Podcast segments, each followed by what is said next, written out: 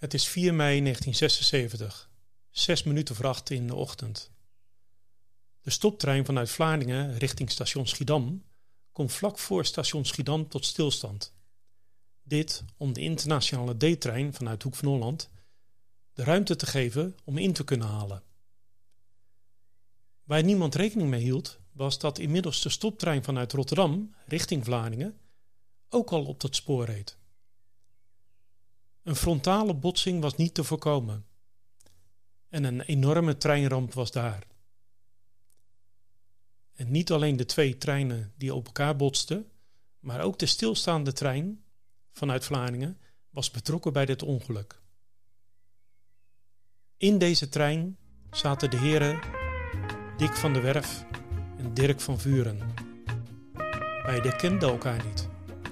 Nu, 47 jaar later, maken ze voor het eerst kennis met elkaar.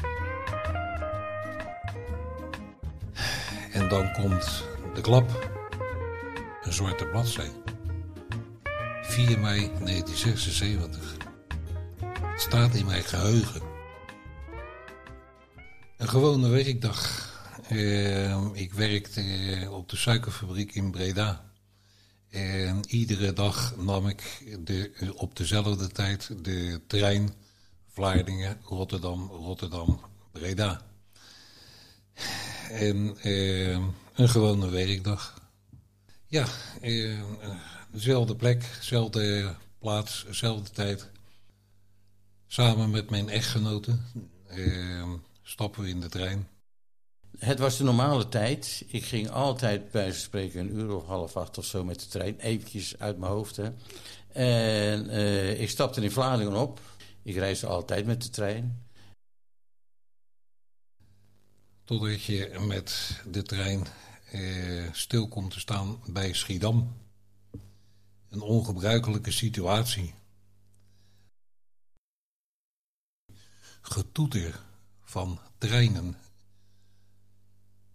En dan zit je in die stilstaande trein. En ineens een klap, een gigantische klap.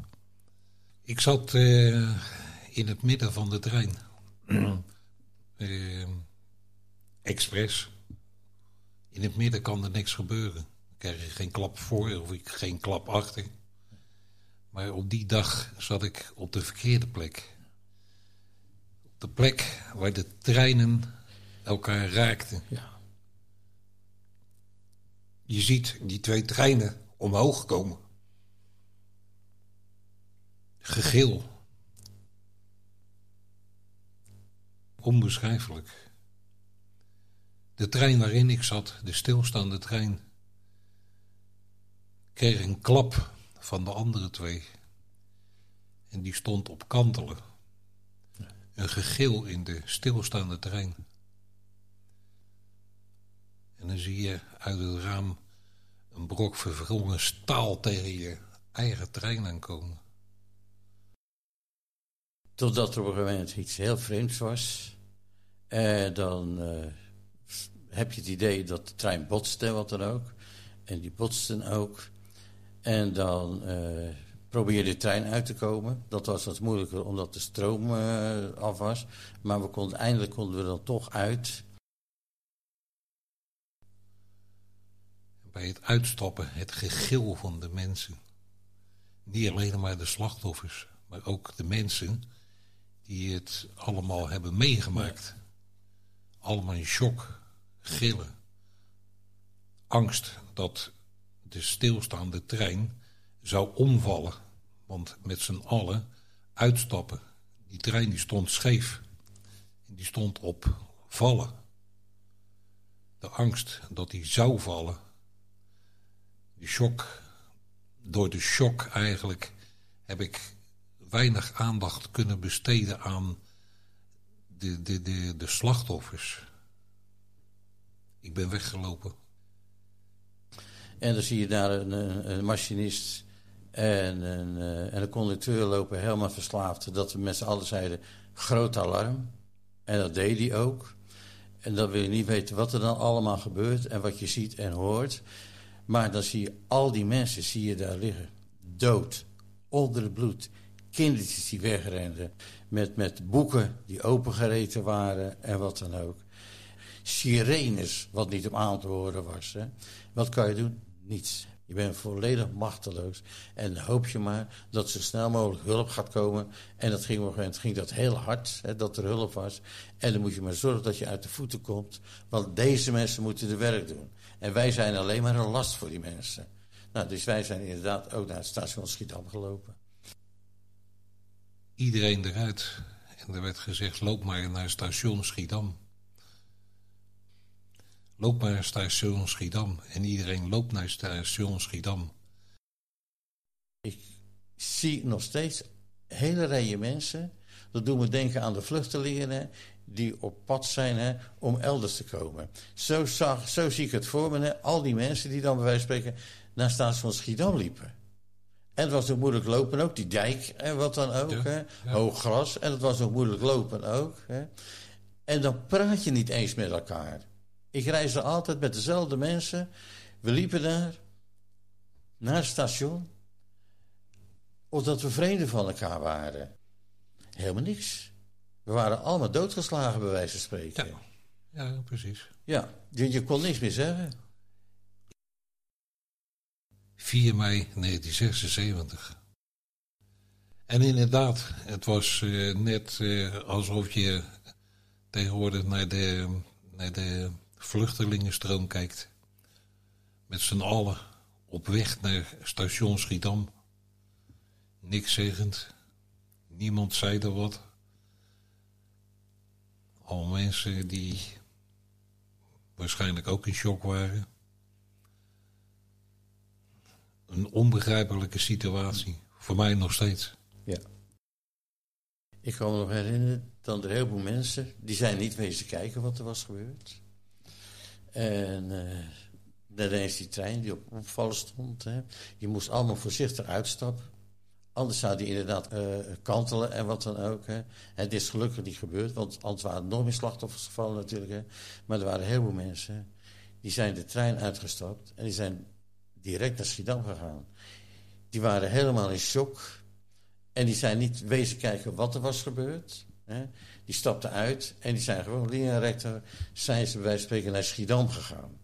En als je dan die mensen eigenlijk daar ook ziet staan allemaal, hè, dan kon je echt merken dat er iets was gebeurd. Want de shock, er waren heel veel mensen die wisten gewoon niet meer wat er was. Die wisten niet meer wat er was. 4 mei 1976. Heb de, de ramp wel meebeleefd, maar eh, ja, weliswaar een psychische klap van gehad, maar geen pijn. En inderdaad, de slachtoffers, het gegil van de mensen, het gegil wat je hoort, de slachtoffers die je ziet liggen onder die trein, spartelend. Het is voor mij nog steeds een, zoals je het net ook al zelf zei, een zwarte bladzij. 4 mei 1976. Het staat in mijn geheugen. Ja. Het is namelijk zo, ik ben natuurlijk, uh, nadat ik alles had, uh, had gezien... nu heb ik tegenwoordig mobiele telefoontjes, maar toen de tijd had je dat niet. Nou, mijn moeder die had het verhaal uh, had het gehoord op de radio... en die belde huilende mijn vrouw of ze iets van mij had gehoord... en die wist nergens wat vanaf. Dus er was eigenlijk hele grote paniek... Dan uh, kom je in Schiedam aan met heel veel mensen. Je stapt in de trein. Ik dan naar Voorburg en wat dan ook. En dan uh, nou, trof ik daar een bedrijfsleider. En die had alle tijd voor mij genomen. Praat met ik, praat met ik. Uh, praat het van je af, want dat is natuurlijk heel belangrijk. Laten we er even helder in zijn. Hè. Maar je zit in een roes. Je weet, je weet het niet. Je weet niet wat je meegemaakt hebt. Is het echt? Of is het niet echt? Helaas was het wel echt. Nou, hij wilde me met de auto naar huis brengen en wat dan ook. Ik zei nee, ik zeg, ik ga die, in ieder geval mijn werk doen en ik zie het wel. De volgende trein meegenomen naar Breda. Met het getoeter in mijn hoofd en de angst. Ik kom op mijn werk. Wat heb jij gedaan? Hoe zie je eruit? Ja, ik heb net een treinongeluk meegemaakt. wegwezen naar huis.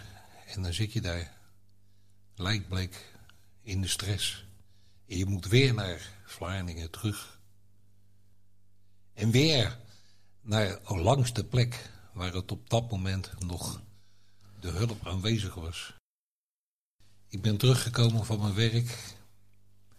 Ik ben thuisgekomen, maar ik weet niet eens meer tot op de dag van vandaag toenmalige echtgenote beleefd heeft.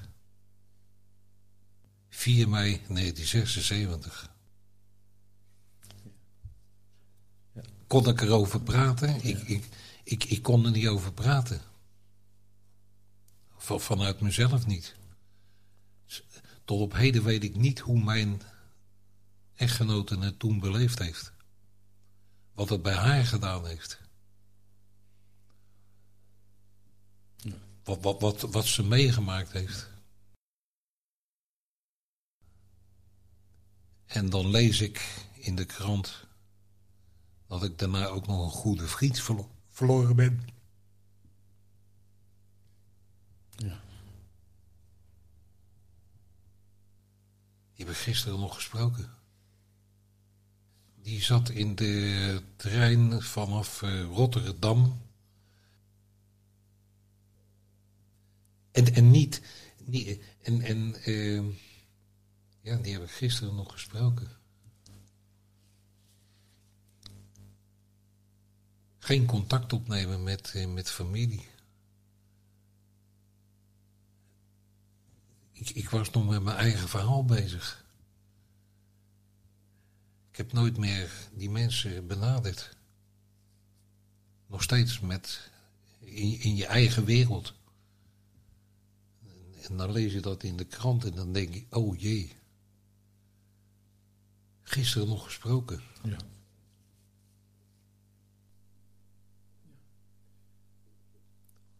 Mobiele telefoons waren er niet. Nee.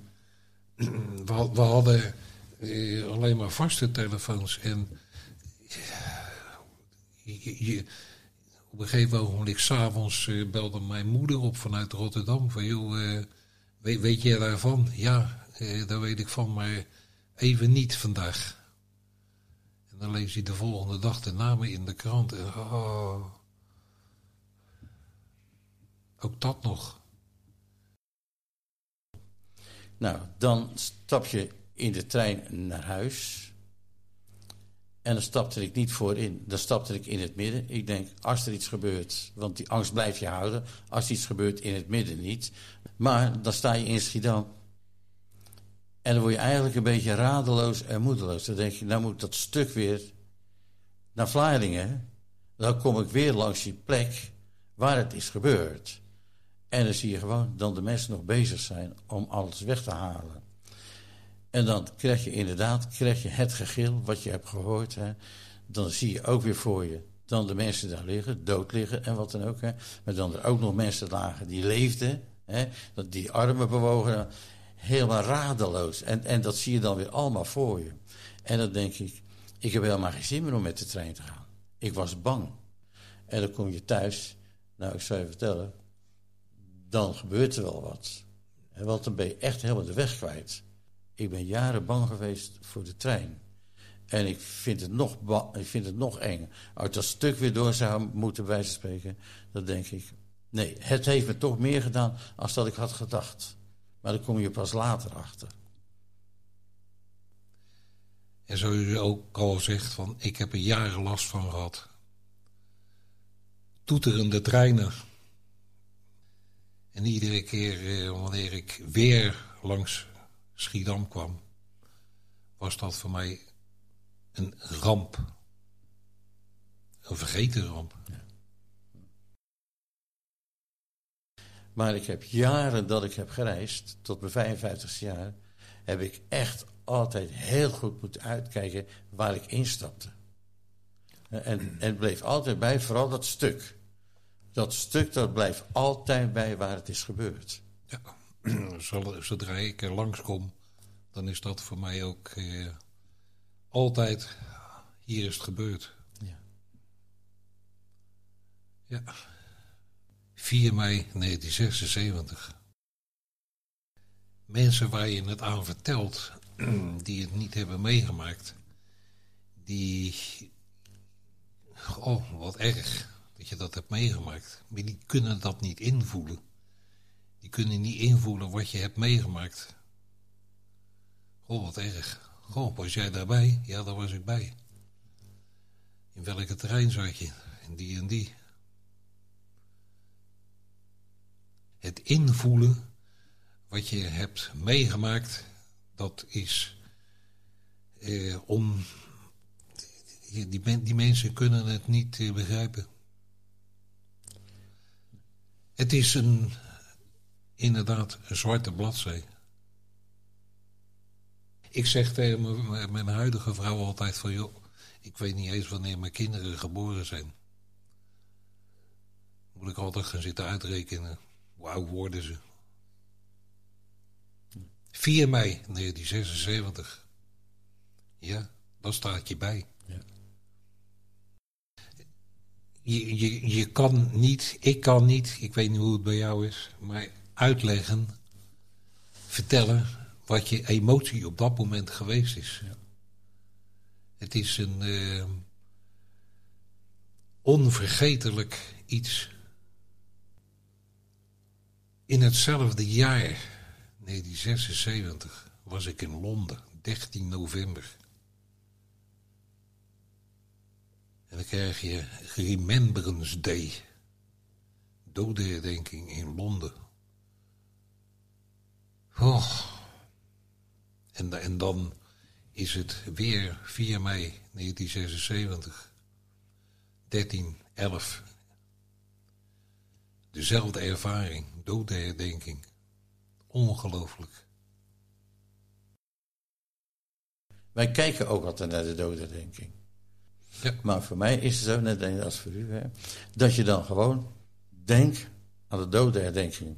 Normaal, wat we altijd doen. Maar je betrekt ook die treinramp er nog steeds bij. En dan denk ik, die mensen die gered zijn, hè, zijn ook nog mensen gelukkig gered. Hoe zou het daarmee zijn? Dat is altijd de vraag waar je nooit een antwoord op krijgt natuurlijk. Hè? Maar het heeft bij mij echt wel heel veel meer gedaan als dat ik ooit had gedacht. En iedere keer als ik op perron stond en dat je die sneltrein, ging ik helemaal naar achteren. Ik wilde niet bij het perron staan als die trein zo met de rotgang voorbij kwam en andere treinen aankwamen en wat dan ook. Ik denk, daar stap ik maar het liefste het laatste in. Maar ik hoef niet uh, als eerste te zijn en wat ook. Stel je voor dat er wat gebeurt. Dan kan ik als eerste die trein uit. En dat heb ik, jaren heb ik dat bij me gehad. Het zijn uh, beelden die, uh, ik wil niet zeggen dagelijks, maar toch regelmatig nog voorbij komen. Ja. Het geschreeuw. Ja. Slachtoffers. Wij waren misschien psychische slachtoffers. Die, uh, en, en daar ben ik heel blij mee dat er tegenwoordig slachtofferhulp bestaat. Maar ik denk dat wij dat erg ontbeerd hebben. Ja. Het had misschien is fijn geweest hè, dat er dan eens een keer een bijeenkomst geweest zou zijn. Al was het maar een herdenking voor de mensen die zijn overleden. Hè, een herdenking. Hè, om in ieder geval nog eens met elkaar daarover te brainstormen en wat dan ook. Maar dat is nooit gebeurd. Dat is nooit gebeurd. Daarom vind ik het fijn dat nu, dat jullie hier nu mee bezig zijn, dat we toch ons verhaal kwijt kunnen.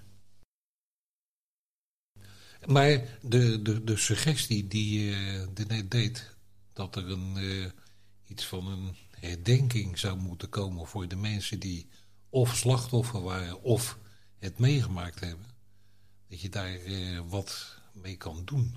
Ja. Ik vind, ik vind dat een hele goede gedachte. Met mensen die misschien wel dezelfde ervaring hebben als, als wij en die eigenlijk wel eens met medeslachtoffers zouden willen kunnen delen. Ik vind het een hele goede suggestie. En eigenlijk ben ik benieuwd naar het verhaal van die kinderen. Ja, ja, die, die, die, die, die kinderen die dat hebben meegemaakt. Ja, het is wat, ja. Hoe hebben die dat beleefd? Hoe hebben die dat... Uh, hoe hebben die er leven ingericht? Nou, ik moet zeggen, het, eh, het emotioneert mij wel heftig eh, vandaag.